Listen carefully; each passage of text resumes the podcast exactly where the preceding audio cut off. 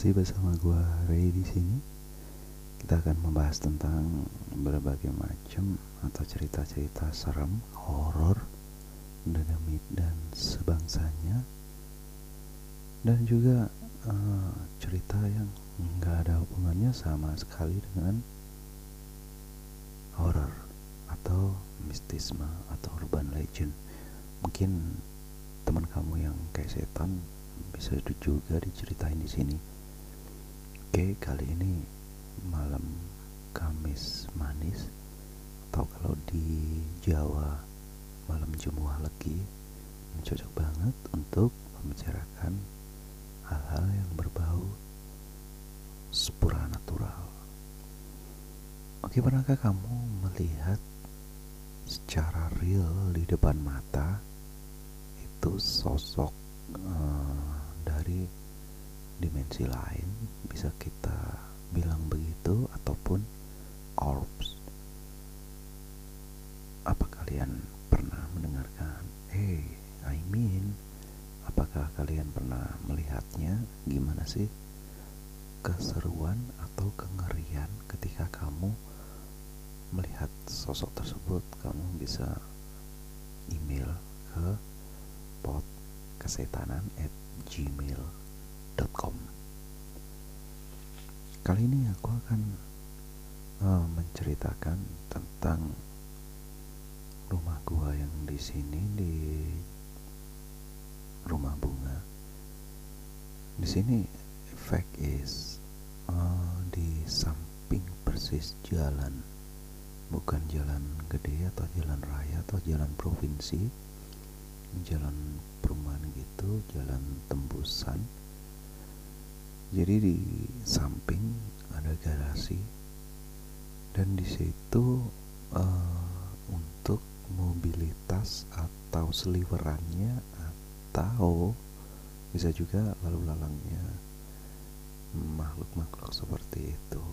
Jadi lalu lintasnya atau jalannya di samping. Dan juga uh, kadang malam-malam seperti ini itu muncul sosok bayangan putih yang sengaja kadang melihat ke arahku apa aku sudah tidur atau belum padahal dia tahu aku nggak di kamar tapi di ruang belakang jadi seperti itu jadi suka ngintip gitu dan di rumah ini di belakang itu adalah uh, lahan kosong sekitar bisa diisi dua rumah ukuran 40-an ke atas dan itu masuk perumahan belakang. Jadi di situ pula aku menemukan sebuah benda dari masa lalu mungkin sekitar around hmm, tahun-tahun oh, bukan sebuah terakota sih. Itu adalah uh, temennya dari lumpang. You know lumpang? Lumpang itu tempat untuk menghancurkan jagung. Jadi semacam di apa ya di deplok gitu. Kalau ini uh, agak ceper jadi aku nemukan itu di belakang. Nah itu ada something yang benar-benar di luar ekspektasi atau di luar logika. Jadi waktu aku menemukan itu di karangan belakang itu aku gali dan nyentuh benda yang padat keras aku ambil aku congkel dan itu ternyata sebuah lumpang kecil tempat untuk menghancurkan biji-bijian seperti itu yang diputar dan kenop atasnya itu sudah nggak ada. Jadi itu bawahnya doang. Karena itu berupa uh, berbahan batu dan amat sangat istilahnya lama ya jadi aku simpan di uh, di depan. Jadi aku move dari belakang aku taruh di rumah depan tanpa permisi. Itu juga yang nyebabin mungkin pada keesokan harinya malam hari itu salah satu dari keluarga di datengin sosok yang menunggu itu dan mengakibatkan dia jadi panas badannya demam seperti itu.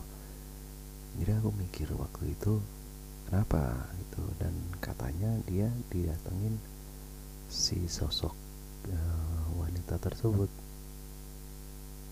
Jadi waktu itu aku langsung tersadar bahwa aku lupa untuk permisi atau izin memindahkan dia dari belakang ke depan. Dan malam itu juga aku langsung meminta izin dengan membakar dupa tiga. Aku bakar di situ dan aku meminta izin untuk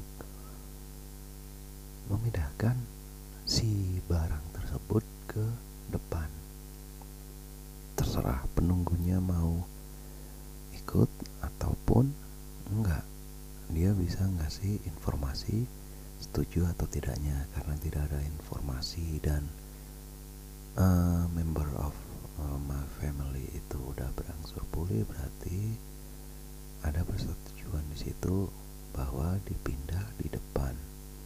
Karena satu di belakang dia tidak uh, terurus. Misalkan dia di dalam tanah. Jadi nggak terawat. Kalau di sini kan uh, dipindah move ke depan jadinya bisa terlihat. Dan juga banyak uh, hal-hal ganjil. Uh, satu sosok juga yang nangkring di belakang sewaktu salah satu keluarga juga melihat sewaktu memasak pada pukul lebih dari 00 jadi ada orderan malam hari dikebut untuk ngerjain itu masak. Otomatis kalau masak itu biasanya pintu belakang dibuka karena biar nggak terlalu ngap atau panas. Karena berhadapan dengan kompor dua kompor dan begitulah. Singkat cerita uh, dia tanpa sadar melihat ke belakang ke ujung pintu di belakang dan di situ ada rimbunan pohon pisang dan di situ nangkring sosok hitam jadi melihat dengan mata merah merona ke arah rumah. Otomatis teriak-teriak memanggil gua. Aku pun datang nyamperin ke dapur dan di situ aku ngelirik ke atas oh see you there terus aku langsung membakar rokok dan aku di rokok tersebut aku masukin atau aku tancepin uh, jam pinang jam pinang adalah uh, getah dari pohon yang ada di Indonesia dan itu satu-satunya pohon di dunia. Nah mengenai sejarah dari Jampinang sendiri itu ditemukan oleh sesepuh saya dan itu di kaki Gunung Arjuno. Setelah dia dapat itu kita kembangin, kita bawa benihnya itu sekitar 100 biji kalau nggak salah waktu itu dan cuman satu aja yang hidup lainnya mati itu namanya taru jampinang atau bibit jampinang jampinang sendiri adalah uh, jampi wenang. Jadi doa-doa yang utama atau doa andalan seperti itulah. Jadi aku bakar jampinang tersebut dan asapnya seperti kemenyan tapi lebih smooth ya at least bisa dibilang seperti gaharu cuman lebih smooth lagi. Itu langsung dia dari atas ngedubrak jatuh ke, ke tanah. Habis itu langsung lari tunggang langgang karena kita membakar jam pinang itu ter itu tadi. Jadi jam pinang sendiri uh, kalau dilihat dari terawangan mata batin dari spiritual itu ada teman ayahnya teman itu uh, seorang warok. Uh, warok adalah orang yang pekerja seni atau seniman yang uh, menarikan reok. Biasanya dia megang reoknya si reok itu sendiri yang singa ada bulu-bulu dari itu. Apa namanya? Lupa pikok pikok nah dia uh, membakar jam tersebut dan melihat bahwa ada lapisan putih langsung naik ke langit dan itu membungkus dari jam pinang itu sendiri. Jadi langsung straight up ke langit jadi bisa dibilang itu untuk memanggil leluhur. Seperti itu. Jadi cerita jam pinang ini amat sangat luar biasa. Ada beberapa orang yang mungkin pernah mendengar pernah mencoba juga jam pinang itu yang ada di Gunung Arjuno. Jadi ada satu uh, kalau seingat aku yang udah gede itu ada satu di Jakarta itu di Sanggar kita di Ragunan. Yang kedua ada di kota Blitar di makam hmm, makam leluhur Aryo Aryo siapa gua lupa pokoknya ada di situ. Itu udah menghasilkan juga getahnya yang satunya lagi ada di Malang. Itu di ada di Sanggar Kelayatan itu juga udah gede juga. Yang lainnya masih kecil-kecil masih pembibitan. Ada juga yang dari pihak uh, apa namanya uh, kebun raya di Purwadati itu Pasuruan Malang di Malang lah itu juga menanam jam pinang juga di situ. Sebenarnya udah mulai untuk ditanam di mana-mana. Karena si materinya sendiri jam pinang sendiri yang ada di Arjuno semakin tua. Jadi udah menunjukkan tanda-tanda bahwa dia uh, akan berakhir. Karena beberapa petunjuk seperti itu misalkan bahwa zaman dulu itu untuk pembibitannya itu amat sangat sulit. Dari 100 bibit itu hanya tumbuh satu aja yang hidup dan untuk saat ini dari 100 bibit misalkan itu 90 yang hidup. Jadi semakin dimudahkan. Dan itu berarti bahwa yang induknya ini akan binasa akan mati seperti itu. Karena beberapa orang luar juga udah mulai mengerti tempat di mana jam pinang itu berada karena bocornya rahasia tersebut. Jadi kembali lagi kalau di rumah bunga ini memang uh, seperti rumah-rumah terdahulu dari generasiku yang lebih di atas gua misalkan rumah 119 rumah Uti itu hampir sama seperti yang di rumah bunga ini. Jadi ada koridor-koridor yang di situ ada penunggunya dan dia yang menguasai wilayah tersebut. Jadi seperti ruang utama ini dikuasain oleh bawaan dari 119 seperti itu dan dan yang ada di luar koridor itu nggak akan berani masuk ke ranah situ. Demikian juga yang berada di koridor samping juga stay di situ. Dan yang ada di belakang tetap stay di belakang karena ada energi yang akan uh, mementalkan dia kalau ingin memasukin koridor utama atau rumah utama. Mungkin kalau untuk apa-apa yang dimasukin atau dihuni dari koridor utama sendiri itu bisa dijelaskan nanti di next episode tentang rumah 119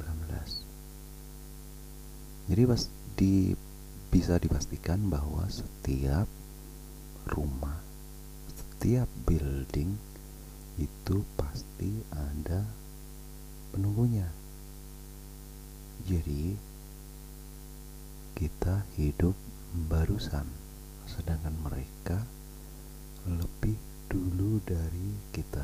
Jadi kita harus respect kepada mereka atau keberadaan mereka. Jadi sebisa mungkin untuk bersinergi. Jadi nggak ada ceritanya dalam hal ini uh, mengusir atau seperti apa yang jelek gitu enggak enggak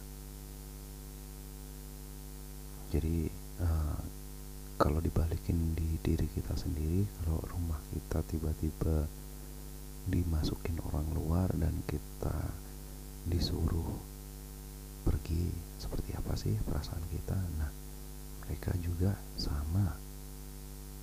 Jadi mereka udah menempati lama terus kita datang terus kita ngusirin mereka kan nggak etis gitu.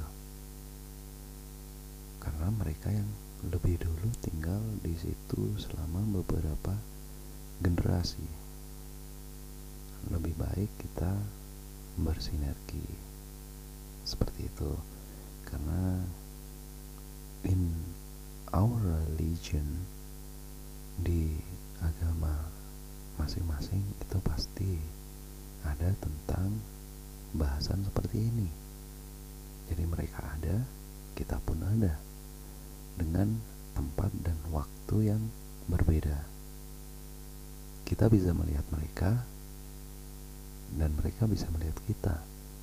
Namun di jam-jam tertentu kalau untuk orang awam. Jadi dimensi kita dan mereka itu ada satu titik satu poros di mana kita bisa melihat bisa melihat kita juga. Dan dimensi itu pas di jam 6 dan di jam 12 malam. Makanya orang-orang zaman dulu orang-orang tua orang-orang sepuh kita pada zaman dulu itu kalaupun untuk anak-anak kecil dilarang bermain di luar sewaktu maghrib. Jadi menyuruh cepat-cepat pulang. Karena apa karena takutnya anak-anak kecil kan masih polos mereka bisa melihat dunia lain. Seperti itu. Jadi biar nggak ketakutan dengan mungkin pada waktu itu menampakkan wajah yang serem mungkin sesuai dengan uh, kematian dia waktu itu. Jadi uh, dibiasakan anak kecil untuk pas maghrib diharuskan sudah berada di dalam rumah jadi sebenarnya itu adalah pesan-pesan dari orang-orang sebelum kita orang-orang tua kita bahwasannya mereka itu ada. Seperti kita ada sistem pemerintahan juga ada keluarga juga sama seperti kita. Kalaupun kita bisa menembus batas ke dimensi mereka dan mengetahui bahwa dimensi mereka sama kehidupan mereka sama seperti kita kita pun akan respect kepada mereka. Seperti itu. Oke okay, thanks for listening podcast setan and see you next episode. I'll see you around. Rayu Rayu